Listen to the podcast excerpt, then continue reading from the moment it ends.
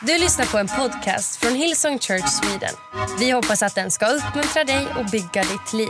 För att få mer information om Hillsong och allt som händer i kyrkan, gå in på hillsong.se. Tack, tack teamet, världens bästa team. Så tacksamma för er alla. Okej, vi är inne i en eh, tema tänkte jag säga. Men förra söndagen så predikade Andreas otroligt fantastiskt om vad är Hillsong. Och missade du det så måste jag verkligen rekommendera dig, inte precis nu, men senare idag, kolla in det på Youtube eller på, i vår podcast. För det är så grundläggande för vilka vi är som kyrka. Det var så otroligt bra. Och, men, och hela poängen med det, för dig som inte var där så ska jag ändå ge en liksom, 10 sekunders recap. Vi pratar om vad vår kyrka är. Det finns en del som kanske vill tro saker om vår kyrka, men vad är vår kyrka? Och Andreas predikan handlar om att vi vill vara en kyrka som älskar det som Gud älskar. Vi vill vara en kyrka som är about vad han är about helt enkelt. Och Gud älskar sin kyrka. Han älskar sin kyrka. Det står i Bibeln. Han älskar de förlorade, de som inte är här, de som ännu inte känner Jesus. Och han älskar den som ger med glädje. Och vi vill vara en kyrka som som älskar det han älskar, som lever för det han älskar. Och, eh, jag, kan, jag vill också, ni vet våran, vårat vision, vårt mission statement just nu, som är, eller just nu, som, som vi har fått höra nyss, som är vi bygger en hälsosam kyrka som förändrar liv genom Kristus. Det är det som vi är about. Nu vet du allt du behöver veta för att jag ska kunna ta, ta vid predikan idag. För idag är del två av det här, eh, de här söndagarna. Vi bygger en hälsosam kyrka som förändrar liv genom Kristus. Och Det som jag skulle vilja lägga fokus på idag är förändrade liv som förändrar liv. Eller faktiskt förvandlade liv som förvandlar liv. För det är det det handlar om. Och då tänker du kanske, jag kan inte förvandla något liv. Ja, men det handlar inte så mycket om dig, utan det handlar väldigt mycket om vad Gud kan göra i dig och vad som sedan eh, sprider sig. Men låt mig få berätta om första gången jag var på Hillsong. Det var, om jag inte minns fel, jag kan mycket väl minnas fel, men jag tror att den första gången jag var på Hillsong, det var i Sydney i Australien. Vi hade några goda vänner till oss som hette Nick och Christine Kane. Eh, en del av er vet vilka, det är, vilka de är. Eh, de, de bjöd oss till Australien, vi åkte runt till några olika ställen och sen så fick vi komma till Hillsong. Och när jag kom till Hillsong, jag har aldrig varit där förut. Vi hade haft, varit med i en annan kyrka, det fanns ingen Hillsong här i Sverige då.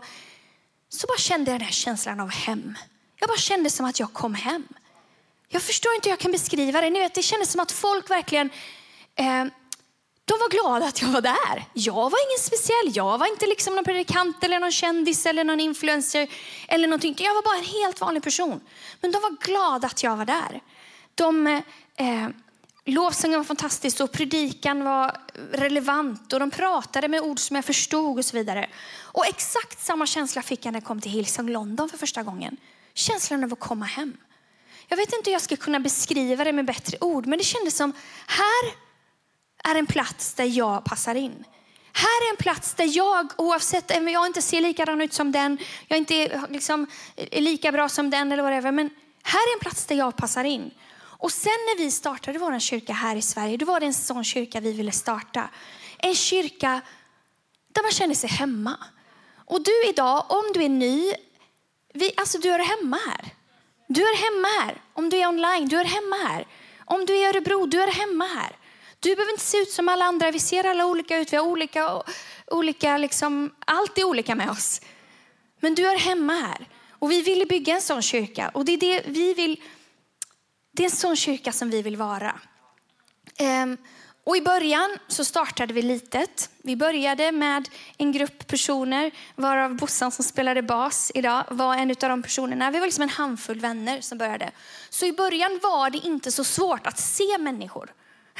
Jag kommer ihåg en, vi hade eh, vår första lokal på Casinoteatern, som egentligen var den andra, för först var vi på ett café. Men när vi offentligt började, Kasinoteatern, då pratade, träffade jag, såg en kille där som var ny. Det var liksom tydligt så här, ah, hej, är du ny här idag? Han bara, du är fjärde personen som frågar mig. Man kunde inte komma undan. Vi ville så gärna se människor. Vi ville så gärna eh, eh, inkludera människor. Och sen har vi vuxit, tack gode Gud att vi har vuxit. Men ni vet hur det är när man har en fest, när man har få människor så är det liksom, det går bra. Men sen när, när man har, om du har haft ett studentfirande eller liksom något sånt där, det är körigt att ha mycket folk. Och ibland så missar man att prata med vissa. Så vår längtan är fortfarande att vi ska se dig. Men jag är tacksam för att vi är fler som hjälper till med det. Att du är hemma här och vi vill jättegärna se dig. Men älskade vänner, vi behöver alla vara människor som lever förvandlade men som ger det vidare. Eh, och det är min bön idag. Att du ska förstå vad kyrkan är, vem Gud har kallat dig till och vilken fantastiskt, vilket fantastiskt liv han har kallat dig till eh, i och genom sin kyrka. Så jag tänkte så här.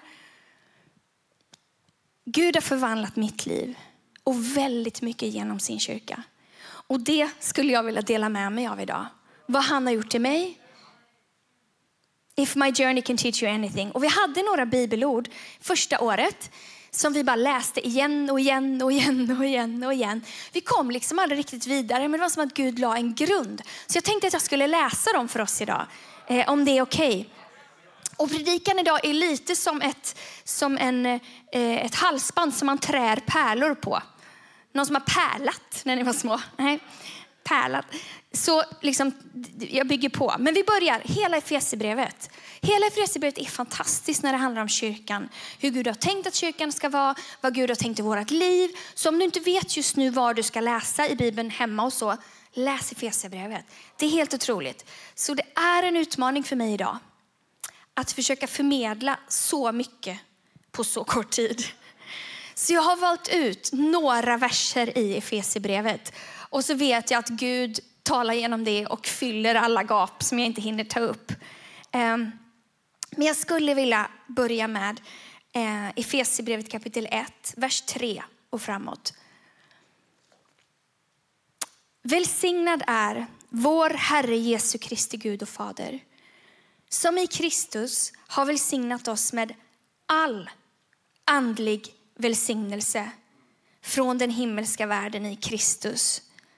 Det är ganska mycket det. Liksom han innan världen skapades utvalde oss att vara heliga och fläckfria inför sig i kärlek. Han har genom Jesus Kristus förutbestämt oss till att bli hans barn. Detta var hans vilja och beslut. Och sen i vers 11. I honom har vi också fått vårt arv eftersom vi är förutbestämda till det av honom som genomför allting efter sin vilja och sitt beslut. Och det här arvet, jag vill bara lägga till det. Vi ärver Guds DNA, den han är. Vi ärver Guds tillgångar, allting som han har. Och vi ärver Guds uppdrag, allting som han vill göra. I The Message så sägs, liksom, sammanfattas allt det här med en mening. It's in Christ we find out who we are and what we're living for. Hela poängen. Det här var för mig revolutionerande för 16 år sedan. Jag hade aldrig hört det förut. Men jag insåg plötsligt att när jag, jag lär känna Jesus, då inser jag vem jag är och vad jag är skapt för.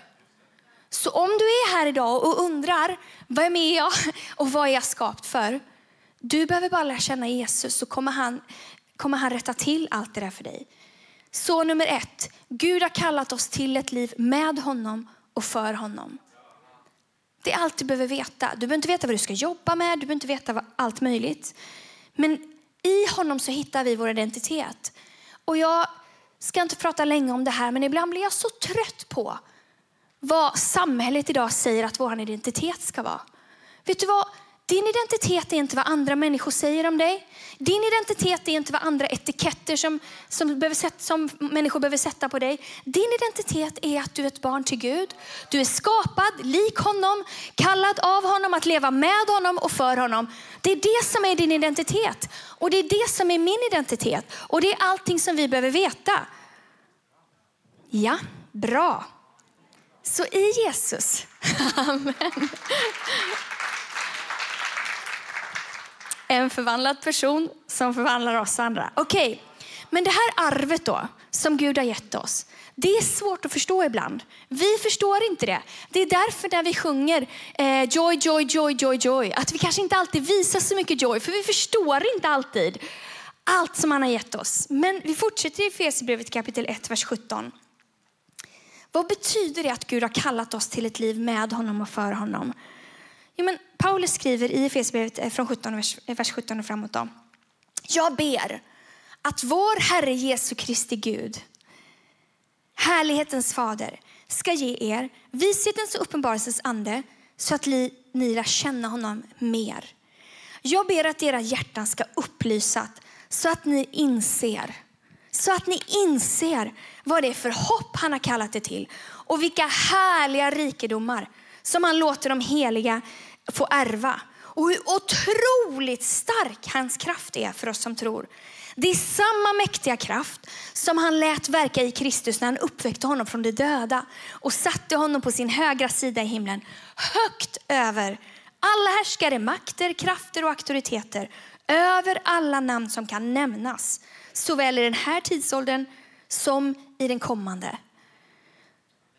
Det är som att Paulus inte har ord nog för att försöka beskriva det här arvet. Alltså jag vet inte vad dina, liksom, hur stort du kan tänka, hur mycket du kan tänka att Gud har för dig, så har han mer. Eller hur mycket makt eller kraft som han vill ge dig, så har han mer. Och jag som är lite bibelnörd, jag tittade lite på orden.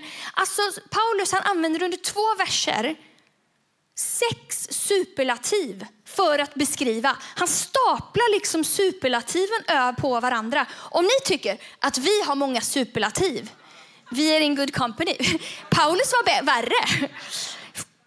Underbart, fantastiskt, magiskt. Allt, allt vad det är. Han, säger, han pratar, när han pratar om den här kraften, när han pratar om det här livet i den heligande, så pratar han om, jag ska inte säga de grekiska orden, okej? Okay? För jag vet inte hur man uttalar dem, men han pratar om en storhet och en vidd.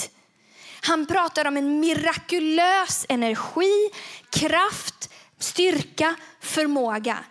Han använder ett ord som pratar om aktivitet, något som gör något. Inte bara något som är, utan en kraft som gör någonting. Samma ord, en action, som man skulle använda på en superhjälte.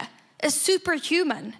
Han pratar om ett styrka och ett välde och absolut styrka. En sådan makt som övervinner motstånd, inte bara liksom, utan tänk liksom, motståndet är borta. Och som att det inte var nog så lägger han ovanpå det ett ord som är ännu ett superlativ som pratar om att, som är samma ord som att, tänk dig, eh, det är som att kasta någonting långt förbi. Har ni varit brännboll någon gång? Spelat brännboll? Ja? Några? Ja? Är ni vakna idag? Ja, brännboll. Har du inte spelat brännboll? Din, jag vet inte om det är en svensk företeelse, men låt oss ha en brännbollsmatch här någon gång utanför. Varför inte Örebro? Vi kör. Eh, I alla fall, tänk dig att du ska slå och det du behöver slå för att kunna varva är ju ganska långt ändå. Men det här ordet som Paulus använder, det är så långt så att du fattar inte. Du slår den här bollen och den försvinner upp i stjärnorna. Liksom. Det är så långt förbi. Så mycket mer. Sådana superlativ använder han för att förklara vilket arv det är Gud som har gett oss. Och bara här stannar jag upp och tänker så här, vi har ingen aning. Vi har ingen aning vilken kraft det han har gett oss. För så många av oss vi är så nöjda med lite grann bara. Vi är så nöjda med vårt lilla stressade liv. Men Gud har så mycket mer för oss. Så han har ett liv där vi kan leva med honom och för honom. Och i detta liv Nummer två, i detta liv är kyrkan central. Jag har inte hittat på det här. Men det här är en uppenbar, någonting som jag förstod specifikt för ungefär 16-17 år sedan. Hur vet jag det? Jo, vi läser, fortsätter läsa i Efesierbrevet kapitel 1 från vers 22.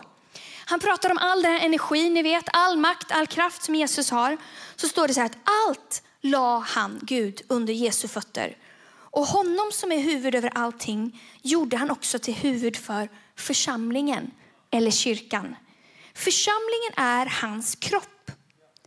Församlingen är fullheten av honom som uppfyller allt i allting. I en annan översättning som heter The Message på svenska så, så beskrivs det som att kyrkan är Kristi kropp genom vilken han talar, agerar och fyller allting med sin närvaro.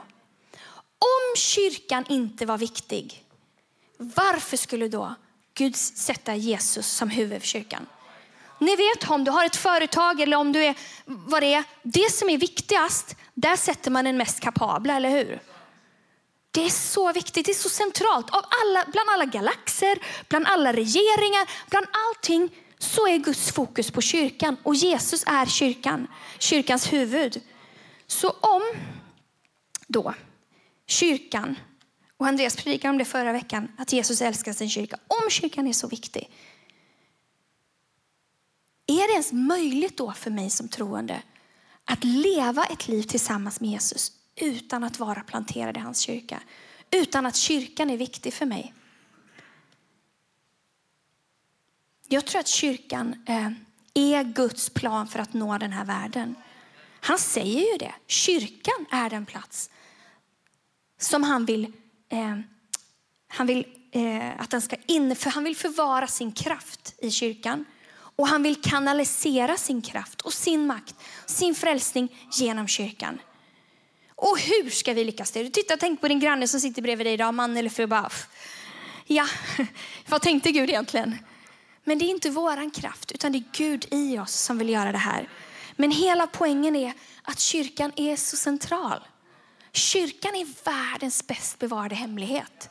Kyrkan är världens hopp. Kyrkan gör dig bättre, mig bättre, gör att vi kan blomstra allting. Men här kommer punkt nummer tre. Kyrkan är inte något vi går till. Kyrkan är någonting vi är. Han säger ju det, vi är hans kropp. En kropp är någonting som man är, eller hur? Inte en hand som vandrar på söndagarna för att under en och en halv timme sitta ihop med resten av kroppen. Det är någonting vi är. Och det står, vi fortsätter i Efesierbrevet. Gillar ni det här bibelstudiet som vi har om Efesierbrevet? Efesierbrevet 2, vers 19. Alltså är ni inte längre gäster och främlingar utan har samma medborgarskap som de heliga och tillhör Guds husfolk.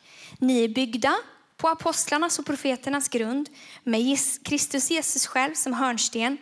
Och det är i honom som hela huset fogas samman så att det byggs upp till ett heligt tempel i Herren. I honom fogas också ni, vi, samman till en boning åt Gud i anden. Så kyrkan, jag är kyrkan, du är kyrkan, vi är kyrkan. Och eh, Jag ska bara läsa det här bibelordet så ska jag utveckla det sen. Första Korinthierbrevet 12, vers 27. Jättetydligt. Ni utgör alltså Kristi kropp och var för sig är ni delar av den. För jag vet inte hur många, 2012 så hade Kids det som minnesvers. Ni utgör Krist, ni är Kristi kropp och var och en är delar av den. Mina barn kan det fortfarande.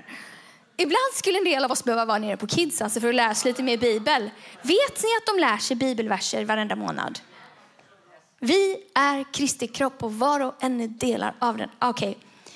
så poängen. Tänk dig att vi är en kropp. Jag vet inte vilken kroppsdel du är. Kanske fick du öronsnibben. Kanske är du en fot, kanske är du en mun. Tydligt för alla runt omkring. Kanske är du ett öra. Poängen är att vi behöver varandra. Och poängen är att vi är mycket bättre tillsammans. Och poängen är att vi behöver sitta ihop. Men vad händer om de som är troende inte väljer att vara ihopkopplade med kyrkan? Dels så blir ju den kroppsdel som inte sitter ihop med kroppen, den får inte tillgång av livet, av blodet, av livet som pumpar ut i alla kroppsdelar. Men själva kyrkan också som kropp blir ju lite förminskad, saknar lite här och där. Och om vi är kyrkan, det blir en helt annat sätt och se på saker och ting, eller hur? Än att vi går någonstans på söndagar och sen går vi hem igen och sen lever vi vårt liv. Sen går vi någonstans på söndagar, sen går vi hem igen och lever vårt liv. Om du är kyrkan, då finns Hillsong Church på din arbetsplats. Då finns det, en, då finns det liksom en utpost, tänkte jag säga, så var det förr. Då finns det en campus där. Eller i din skolklass. Hillsong är där. Kyrkan är där. Och där du är, där kan Gud tala, agera och fylla allting med sin närvaro. Det är det vår kyrka handlar om. Förändrade eh, förvandlade människor som förvandlar sin omgivning tack vare att Gud förvandlar oss. Det han lovar också att vi ska blomstra. Jag ska inte läsa det nu, men i psalm 92 står det att den som är planterad i Guds hus kommer alltid blomstra. Poängen, jag känner som jag slår på samma spik här. Gud har kallat oss till ett fantastiskt liv med honom, men i den är kyrkan central. Och jag predikar ju till the choir som man säger. Jag kanske ska prata med dig som är online. Du kanske är jättelångt bort och du inte kan. Då är vi så glada att du är online. Men är du i närheten av en campus? Alltså det är så fantastiskt att få stå i rummet, få vara en del av lovsången, få liksom känna det här livet pumpa ut som hjärtslagen ger. Och det som är så häftigt är att när vi blir planterade i kyrkan, jag har sett det här i mitt eget liv, då händer det där mirakulösa. Jag vet inte hur Gud gör det. Hur kan mitt liv bli mer välsignat när jag är planterad i kyrkan? Hur kan mitt liv bli mer välsignat när jag lägger ner mindre tid på mitt företag kanske? På grund av att jag är i kyrkan eller på grund av att jag tjänar i kyrkan. Ingen aning, men Gud gör det. Det är samma sak som med givande. Hur, eller tiondet, hur kan jag bli mer välsignad genom att jag på pappret ser ut som att jag plötsligt har mindre för att jag för in mitt tionde till Guds hus? Han bara gör det. Han bara gör det. Så jag tror att kyrkan är världens bäst bevarade hemlighet.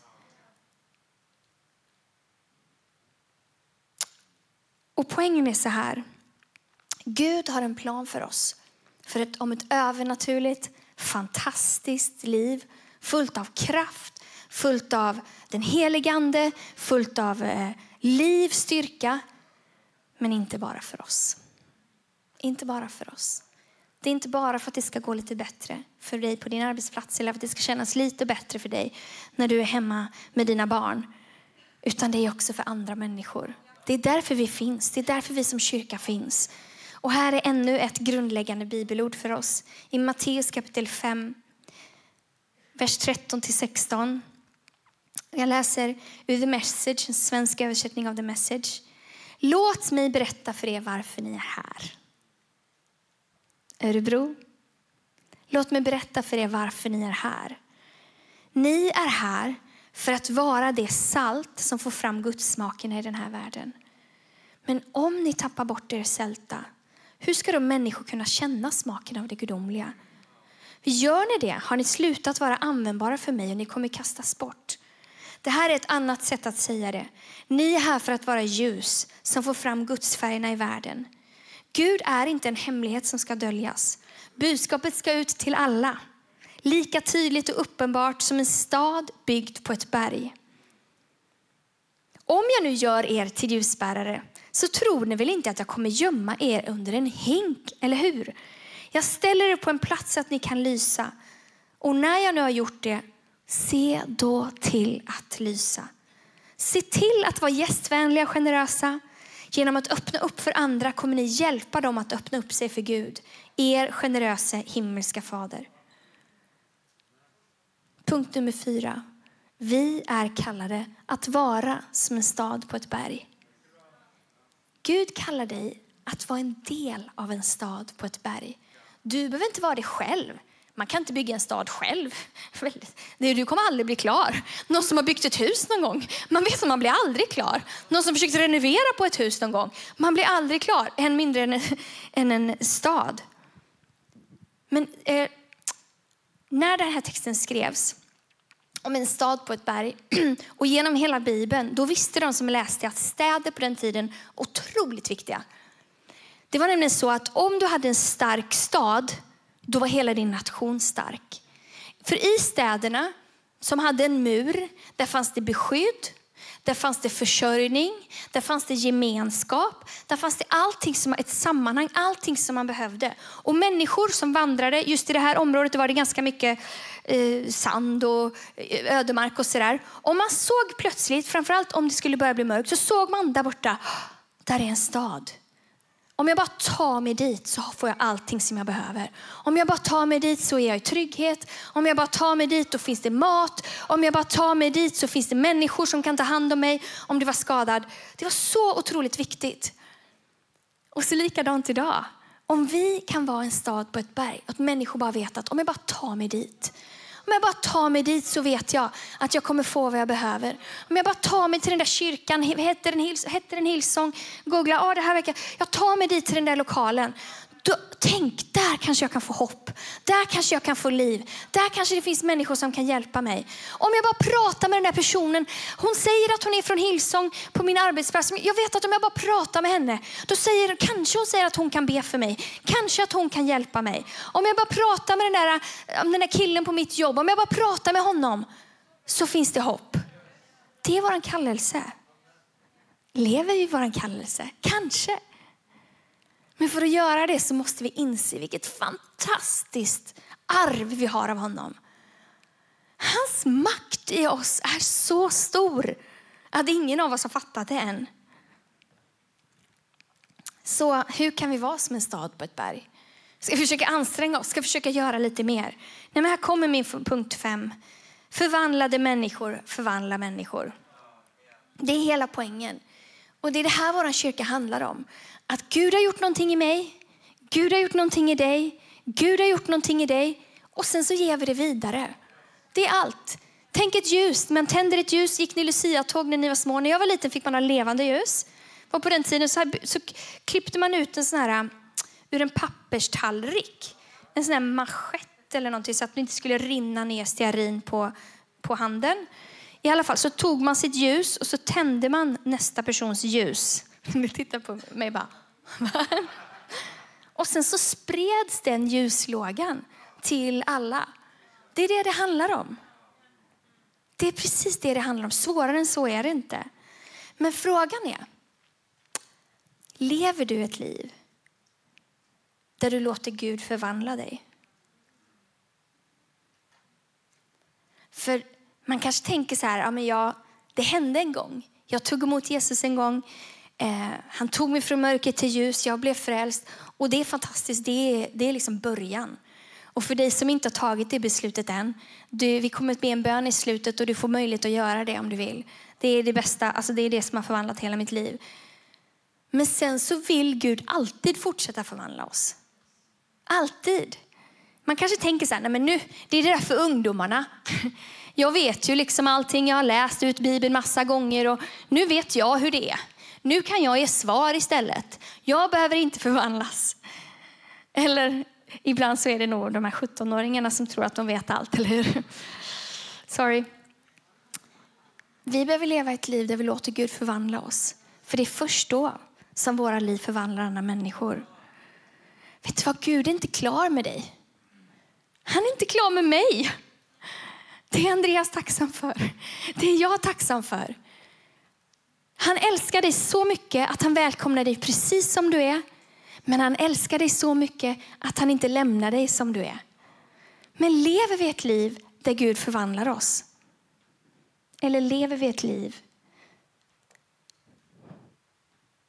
där vi bara går miste om all den kraft och närvaro och förvandling som han kan göra i oss?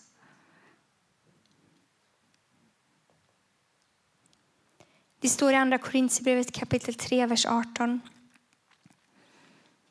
Alla vi som har fått slöjan borttagen, låtit Jesus eh, göra så att vi kan komma nära Gud, kan vi nu se Herrens härlighet. Och den förvandlar oss till en och samma avbild. Vi förhärligas av denna härlighet som kommer från Herren Anden. Så Gud vill smitta av sig på oss. Bara genom att vara med honom så vill han, han vill förvandla oss. Och det är så vi kan förvandla våra familjer, våra arbetsplatser, våra skolklasser, våra lärare. Det vore ju härligt. Sorry, sorry lärare. Våra kvarter, våra städer. Det står i Matteus kapitel 10, vers 7-8. Jesus säger ehm, det här. Där ni går fram, det ska ni predika. Himmelriket är nära. Bota sjuka, uppväck döda, gör spetälska rena och driv ut onda andar. För det ni har fått som gåva ska ni ge som gåva. I Svenska kärnbibeln står det fritt har ni fått, fritt ska ni ge. Fritt har ni fått, fritt ska ni ge. Vad har du fått från Gud? Kommer du ihåg vad du har fått från Gud? Frälsning förhoppningsvis. Han har räddat dig till ett liv med honom. Förlåtelse. Jag vet inte, vad har du fått mer? Ett jobb kanske? Barn kanske? En man eller en fru kanske? Ett liv, ja, det är någon som checkar av listan här på första raden. vad är det han har gett dig? Ibland glömmer vi bort vad han har gett oss. Vi har fått så mycket. Och som det vi läste i början, han har gett oss liksom, vi får hans avbild, han, är, han har kallat oss att vara hans barn. Men ger vi vidare det? Fritt har ni fått, fritt ska ni ge. Och för en del av oss så behöver vi bara kanske, I don't know, gå utanför staden lite grann och se den misär som finns där. För att inse att det finns människor som inte har det som vi har. Ibland är det lätt att, vi, att man umgås liksom bara med sin connect-grupp eller varandra. Men det finns så många människor som inte är en del av staden. Som inte är en del, som inte har det som vi har. Fritt har vi fått, fritt ska vi ge. Förvandlade människor. Förvandla människor. Förvandlade människor bygger en stad på ett berg som förvandlar en nation. Men det börjar i oss, eller hur? Det känns som det blir väldigt allvarligt här. Är det okej? Okay? Jag älskar er. Gud älskar oss. Men tänk vilket liv han har kallat oss till. Så vad är Hillsong? Vi är förvandlade människor som förvandlar människor. Inte genom oss, att vi går så här, ska försöka, ja, det här kan du bättra på, det här kan du fixa till. Utan han gör någonting i oss.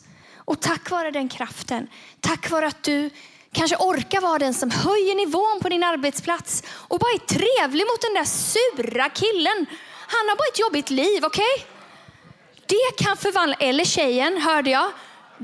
Vet ni vad killar kan vara sura också, eller hur? Griniga. Men de behöver bara kärlek.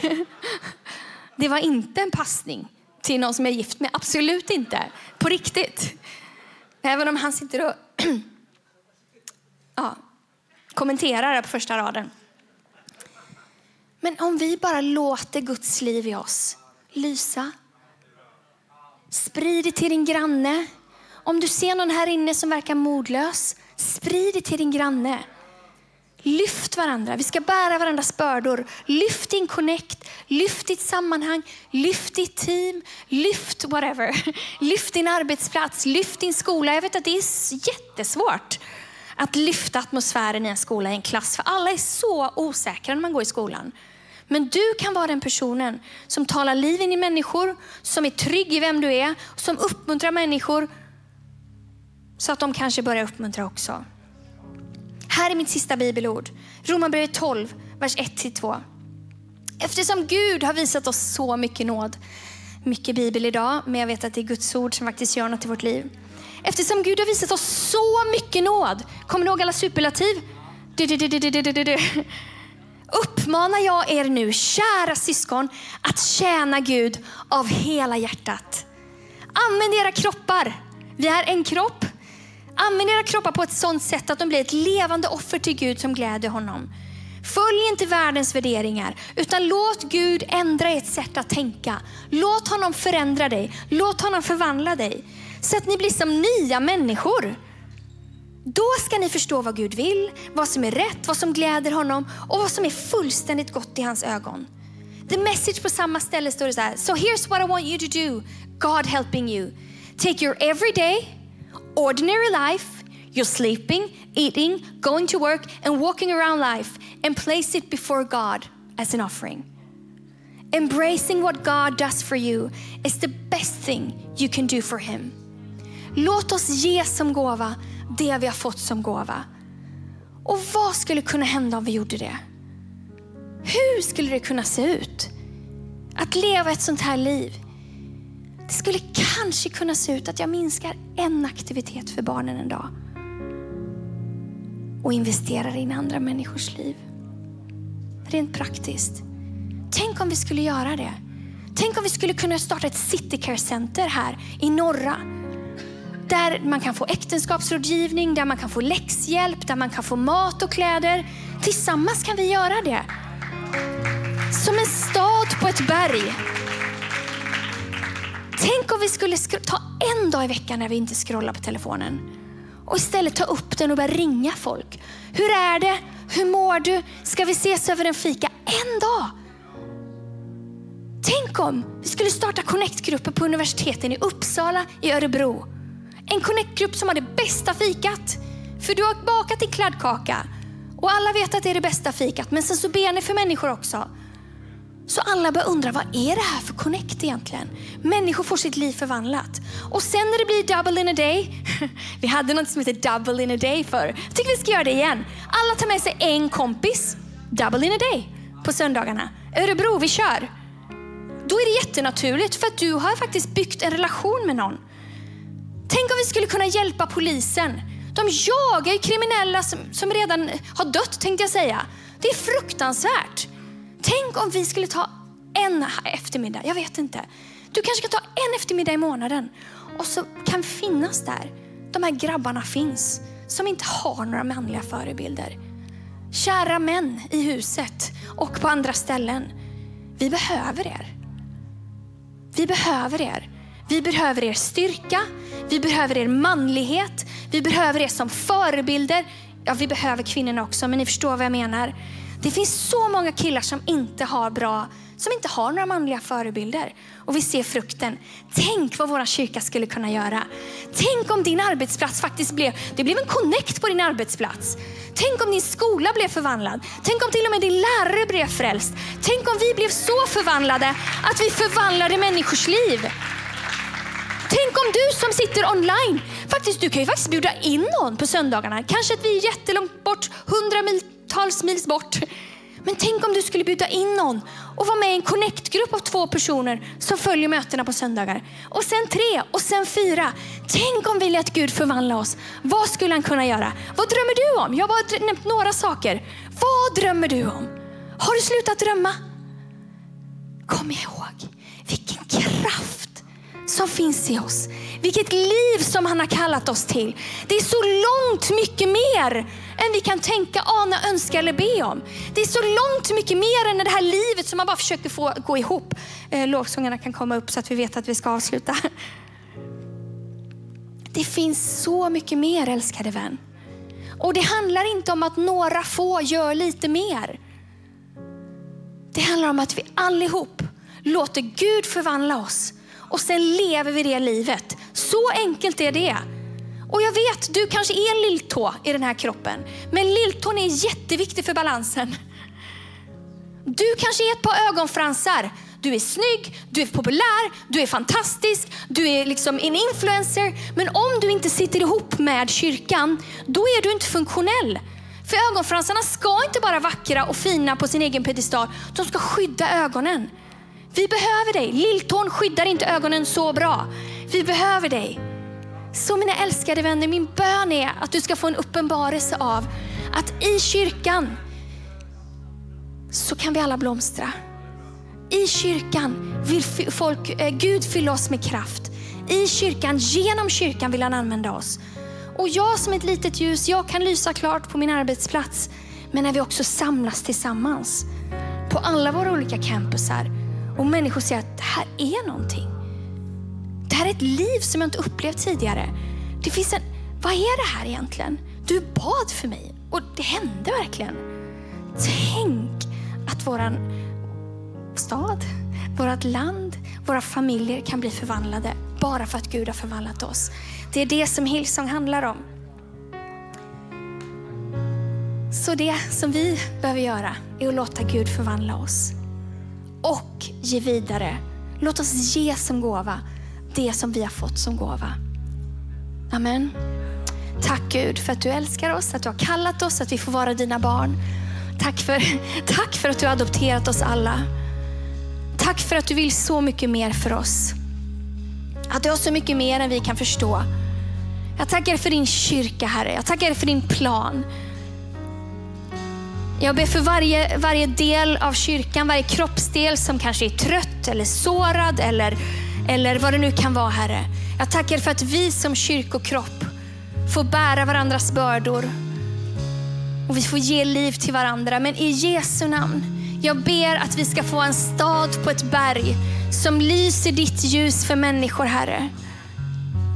Att vi ska älska din kyrka, att vi ska ge med glädje, Herre, till dig och till människor av allting som vi har. Och att vi ska älska de förlorade, Herre, som ännu inte känner dig. I Jesu namn. Du har lyssnat till en podcast från Hillsong Church Sweden. Om du vill veta mer om vår kyrka eller om våra söndagsmöten surfa in på hillsong.se.